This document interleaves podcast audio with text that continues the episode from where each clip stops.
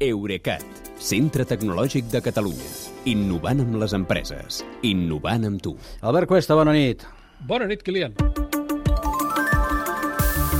La cobertura de mòbil 5G ja és força habitual en moltes poblacions del país i aquests mesos les operadores fins i tot la reforcen a zones turístiques, però al mateix temps continuen funcionant les xarxes més antigues, com la 3G. Escolta'm, Albert, com és possible tot això? Eh, Sembla mentida, oi? Però ja fa que eh, gairebé 20 anys que es van arribar a Europa els serveis 3G, que eren els primers que oferien una experiència, diguem-ne, raonable d'internet al mòbil.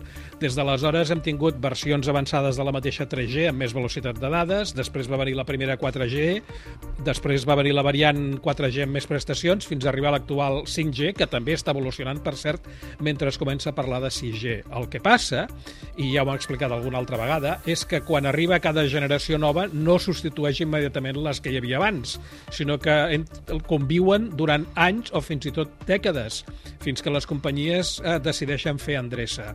Segons la GSMA, a Europa ja hi ha 22 operadores que han apagat la 3G i 41 més tenen previst fer-ho abans de que acabi la dècada, abans del 2030. De les que tenim més a prop, la més matinera va ser Vodafone, que va començar a pagar la 3G a l'Estat el mes de novembre passat, després d'haver fet dues proves restringides, una de les quals, per cert, va ser a Badalona, i té previst prescindir del tot de la 3G abans de que acabi aquest any 2023. Uh, Movistar també ha començat a pagar antenes 3G i preve, preveu haver-les apagat totes abans del 2025, coincidint amb quan desactivi la xarxa fixa de coure, la DSL, per passar-ho tot a la fibra òptica. I aquest mateix any, 2025, és quan Orange apagarà definitivament la xarxa 3G, la seva, a, a l'Estat.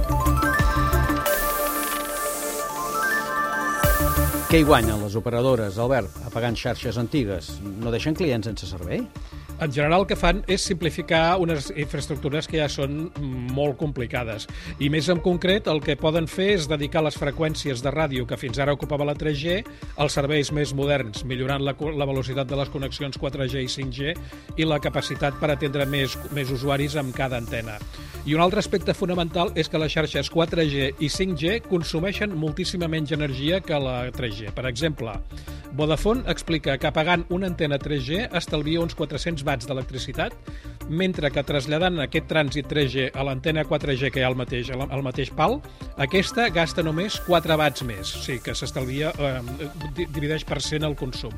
La mateixa companyia calcula que un cop apagada del tot la seva xarxa 3G estalviarà 52 gigawatts hora.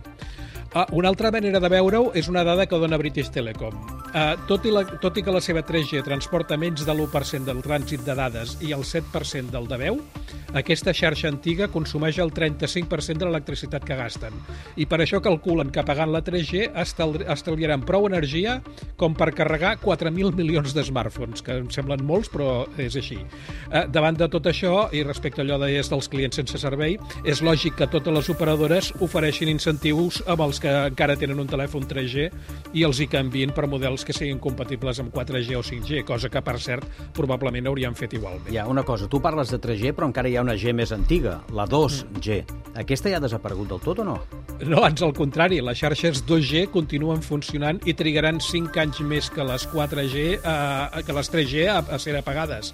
De fet, està previst que funcionin fins l'any 2030. I el motiu no són els telèfons dels abonats, sinó els objectes connectats, perquè al món hi ha milions de dispositius industrials, jo que sé, des de comptadors d'electricitat fins a vehicles, flotes de vehicles, que es comuniquen amb els servidors fent servir precisament línies 2G perquè han de transmetre molt poques dades o fins i tot enviar només un missatge SMS de tant en tant. I mentre aquests aparells no es vagin renovant, cal mantenir en funcionament les xarxes 2G. Queda bastant clar. Doncs escolta, 1000G per part nostra. Mil gràcies. Fins demà, que vagi bé. Bona nit, Kilian. Fins demà.